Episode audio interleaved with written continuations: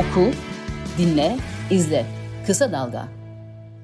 Merhaba, bu ışıltılı hayatı biz seçmediğin yeni bölümüne hoş geldiniz. Ben Özge Mumcu Aybars.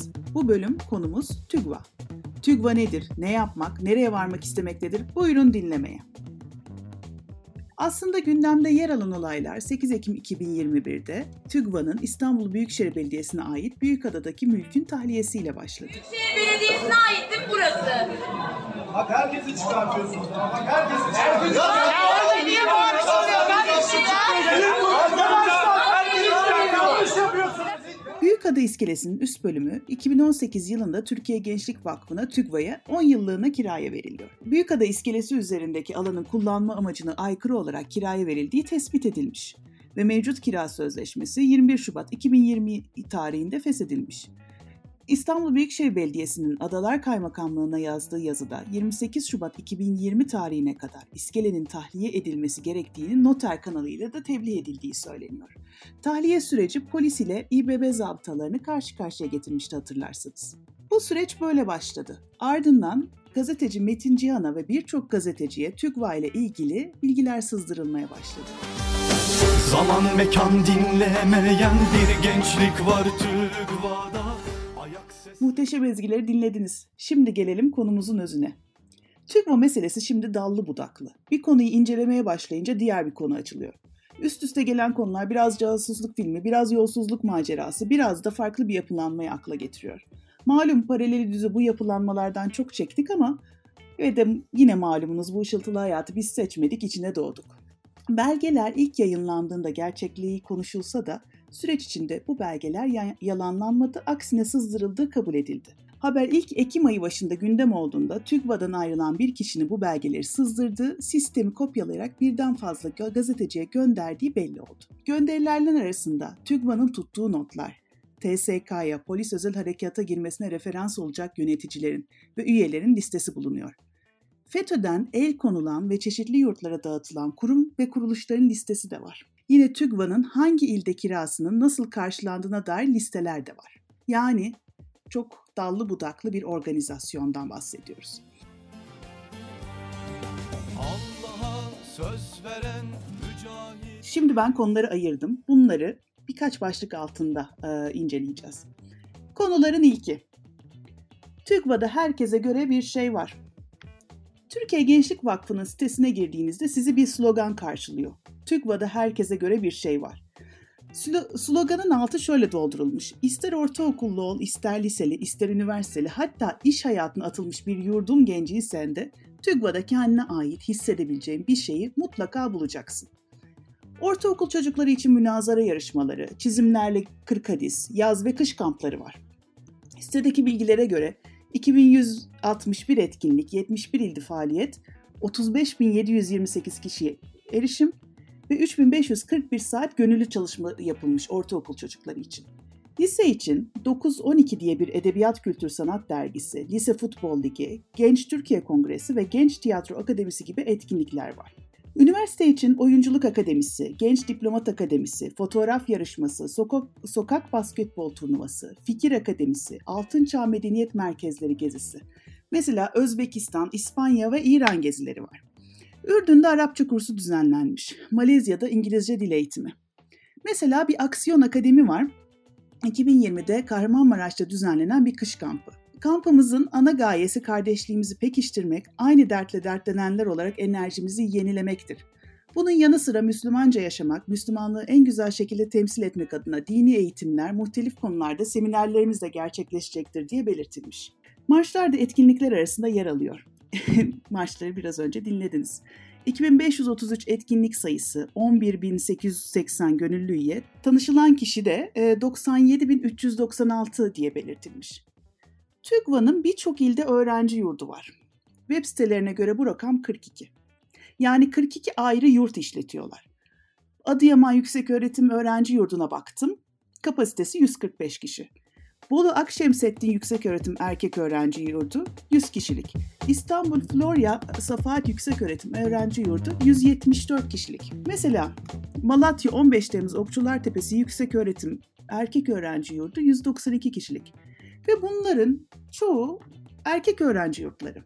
Yani kız öğrenci yurtları ben web sitesinde rastlayamadım. Eğer bilen biri varsa lütfen hani söylesin. Ben bulamadım çünkü. Bu yurtların çoğunun eski FETÖ yurtları olduğu söyleniyor. Bunlar iktidarın elinin altında ve toplumu en çok yaklaşacağı yerler olarak belirtiyor. Ve bu kurumlar Ensar, Türgev ve TÜGVA gibi kuruluşlara yani iktidara yakın vakıflara dağıtılmış. TÜGVA Başkanı Enes Eminoğlu. TÜGVA'nın değerleri arasında adalet, birlik, iyilik ve ahlak yer alıyor. 81 ilde de temsilcilikleri var. Temsilcilikler ne yapıyor diye insan gerçekten merak ediyor. Bütçesi dar olan siyasi partilerin temsilcilikleri bile gönüllülük esasıyla yürür çoğu zaman. Yani bir vakfın temsilcilik açması ayrı bir gider kalemidir ve gerçekten masraflar, ofis giderleri, ciddi bir e, masraf e, akışı vardır orada.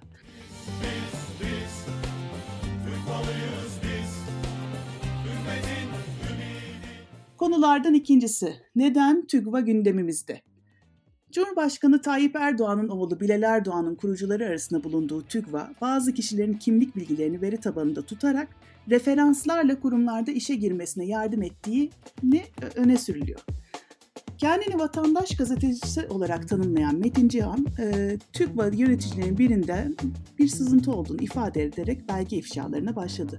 Önünüzde Twitter kullanıyorsanız düşmüştür zaten. Çeşitli Excel dosyaları şeklinde. Ekim ayı civarındaydı. Sonra gün içinde duyduğumuz rutin bir bilgi haline geldi. TÜGVA mı abi ne örgütlenmişler ama diye. Önce TÜGVA yetkilileri gazeteci Metin Cihan'ın ortaya çıkardığı belgeleri yalanladı. Ancak sonrasında TÜGVA Başkanı, biraz önce bahsettiğim Enis Eminoğlu... Belgeleri almış ya bu adam. Sızdırmış, kendisine e, yedek yapmış ve şu anda ifşa ediyor. Dedi. Bu şekilde de ifşanın doğruluğunu da ifade etmiş oldu. TÜGVA'nın il temsilcilerinin ayrıca hepsi fişlenmiş. Aralarında valiyle sorun yaşayınca valinin görevden alınmasını rica eden de varmış. Gelelim fişlemelere. Şimdi bir Kars'tan bir Yusuf Bey var. Ahlaki düzgün bir yapısı olduğu söyleniyor ancak teşkilatlılık noktasında ciddi zayıflıkları varmış. Ee, Abdurrahman diye biri var e, yine bir şehirden. Değişim sürecinde olduğu söyleniyor ama neyin değişimi olduğunu e, bilmiyoruz. Ee, Cihat Bey var. Pasif bir kişiliği var ve maddi varlık noktasında zayıf demişler. Yani yoksul diyememenin de herhalde başka bir tabirini bulmuşlar. Diyarbakır'dan biri var. Milli görüş kökenlidir deniyor. Böyle gidiyor. Biraz daha örneklerini vereyim. Hakkında birisinin mesela Mardin'den birinin hakkında bizden olmadığına dair dedikodular bulunmaktadır deniyor. Siirt'ten biri bir önceki teşkilat yönetimi e, tarafından atanmıştır diyor. Böyle bir not var. Ondan sonra yine Hakkari'den biri e, işte TÜGVA adını kullanarak çeşitli şeyler kullanabiliyor. Böyle rivayetler kulağımıza geliyor deniyor. Çok komik bir e, şey var. Bir, bir danışman varmış bu il yönetiminin arasında. Böyle birazcık da başı bozuk diyor. Yani şey yapamıyoruz diyor. Böyle bağımsız hareket ediyor diye. Mesela birisi için demişler ki çıkarcı bir yapısı var. Ne demekse. Değişim sürecinde olanlar var ama birisini işe yerleştirmişler. Değişim sürecinde diye not düşmüşler. Fakat işe yerleştirmişler ama sonra onu göre neden olmamış. Bir de güzel bir kardeşimiz demişler birisi için. Ondan sonra e, yetersiz demişler başkaları için. E, bakıyorum. Parasal durumu müsait demişler. Neye müsait? O belli değil. İşte ahlaki sıkıntıları var demişler birileri için. Ondan sonra böyle gidiyor. Ha birisine demişler ki Müslüman bir kardeşimiz ama gereksiz hassasiyetleri var. İşte bu gereksiz hassasiyetler bile bu, bu da TÜGVA nedir, ne değildir konusunda gerçekten insanın kafasında soru işaretleri uyandırıyor. Şimdi bir TÜGVA il temsilcisi valiyi görevden aldırmak istiyor o il temsilcisini görevden aldırmak istediği Muş valisi olduğunu 27 Ekim 2018'de adının da doçent doktor İlker Gündüzöz olduğu tahmin ediliyor. Oku, dinle, izle. Kısa Dalga. Konuların üçüncüsü. Türk Hava Yolları'ndan 1500 bedava bilet. Belgelerin görselliğini sosyal medya hesabına koyan Cihan şöyle dedi. Başına Selman Öğüt'ü koydukları bir program için Türk Hava Yolları'ndan 1500 adet ücretsiz uçak bileti istemişler ve elbette almışlar. Daha önce bahsettim.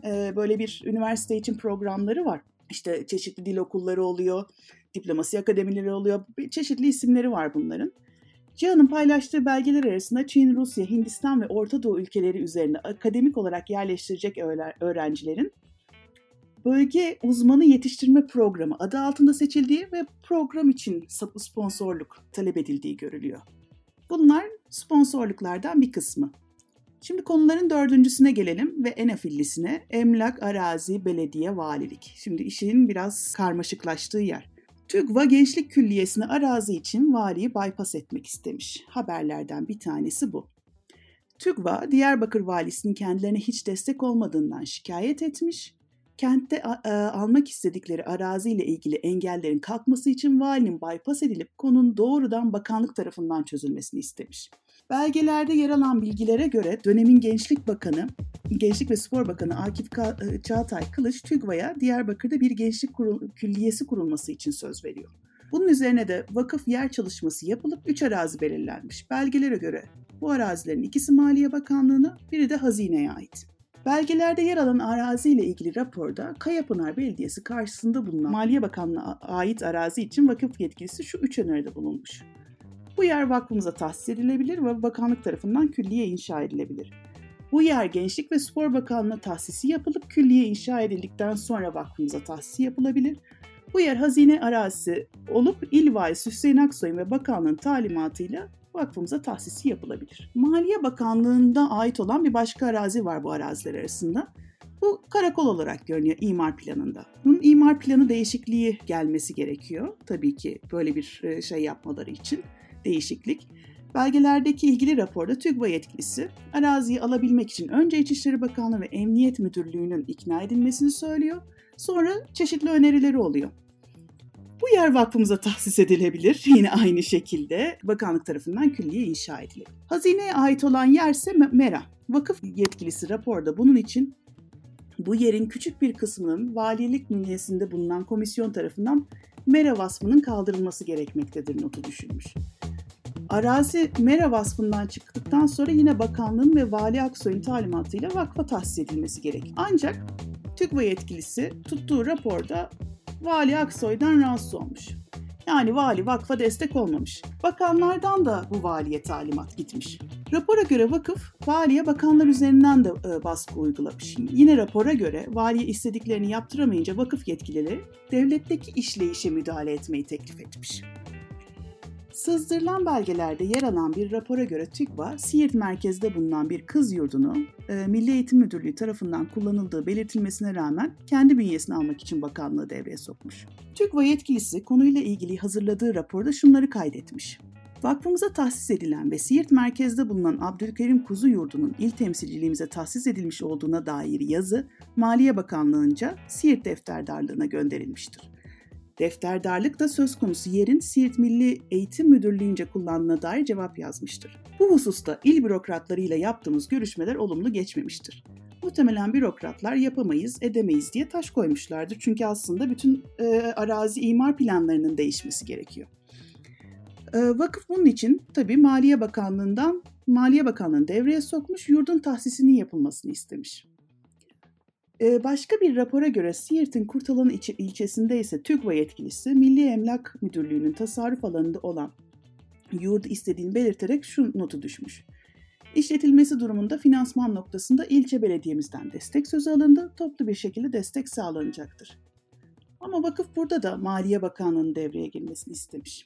TÜGVA belgelerindeki raporda dikkat çeken bir diğer nokta, belediye başkanının diğer sivil toplum kuruluşlarından çekindiği için belediye bütçesine dokunmadığı bilgisi. Bu nedenle belediye başkanı yakınlarından vakıf için para topluyor, bütçeye dokunmuyor.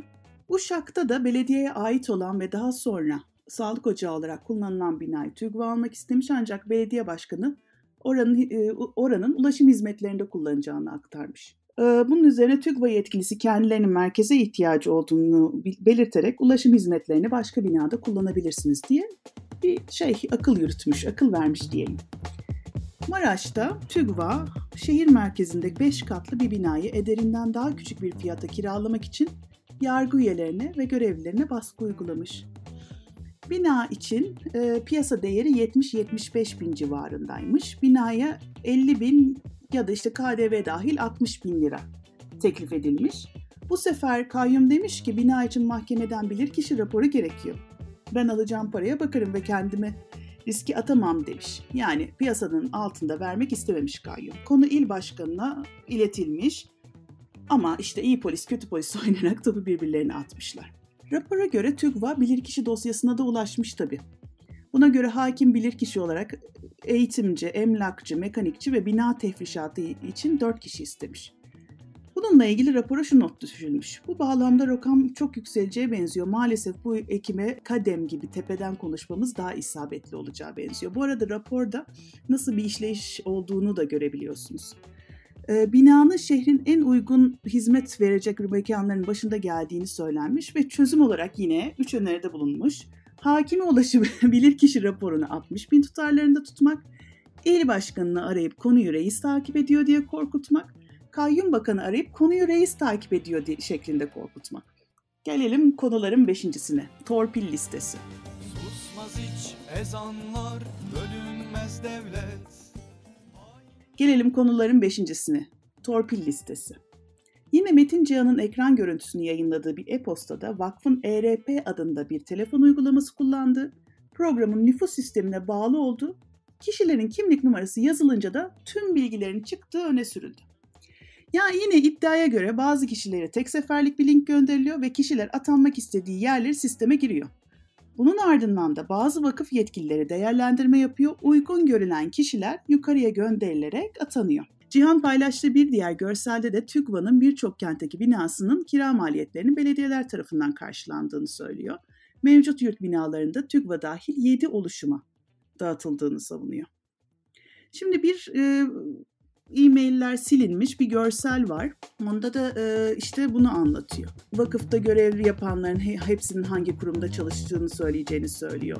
Bir taciz yazışmaları olduğu söylüyor. Neden vakıftan ayrıldığını söylüyor. E, bu ERP e, sisteminin aslında çok bozulmuş bir sistem, e, yolsuz bir sistem olduğunu söylüyor gibi işler.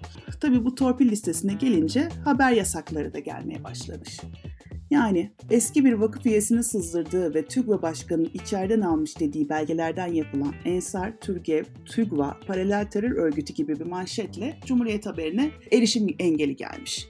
23 Ekim 2020'de yayınlanan haberde Ensar, İlim Yayma, TÜGVA Türgev için dönem Bitlis Vali Yardımcısı Salih Altun'un paralel terör örgütü uyarısında bulunduğu belirtilmiş. Şöyle bir ifadeler var Altun'la ile görüşme yapan, e, haberde Altun ile görüşme yapan vakıf üyelerinin genel merkeze gönderdikleri raporlarında toplantıya ilişkin şu ifadeler yer almış.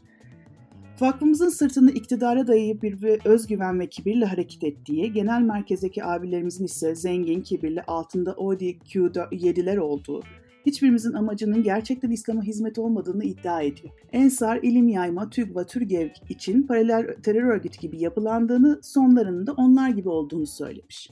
İlim Yayma Cemiyeti bu haberi e, engelliyor. 27 Ekim'de yapılan başvuruyu. İstanbul 1. Sulh Ceza Hakimliği reddediyor. Red kararına ilişkin İlim Yayma Cemiyeti 1 Kasım'da itirazda bulunuyor. İtiraza ilişkin haber veren İstanbul 2. Sulh Ceza Hakimliği ise haberin kişilik haklarını ihlal ettiği iddiasıyla erişim engeli getiriyor. Yani geldiğimiz noktada TÜGVA hakkında ifşalar devam ediyor. Ben kısa kısa neler olduğunu özetlemeye çalıştım. Bu ifşaların ardı arkası kesilir mi? Yoksa bürokratlar rahatsızlıklarını dile getirmeye devam eder mi sorusuna mevcut güç adağının fazlaca kuvvetlenmesinden rahatsız duyanların bu gibi ifşalara devam edeceği düşüncesiyle yanıt veriyorum. Bu ışıltılı hayatı biz seçmedik. TÜGVA bölümünün sonuna geldik. Öneri ve eleştirileriniz için e-postan bu hayatı biz at gmail.com. Güzel bir hafta olsun. Bir sonraki bölümde görüşmek üzere. Kısa Dalga podcastleri Demet Bilge Erkasab'ın editörlüğünde Mehmet Özgür Candan'ın post prodüksiyonu ve Esra Baydemir'in hazırladığı görseller ile yayınlanıyor. Kısa Dalga'ya destek vermek için Patreon sayfamızı ziyaret edebilirsiniz.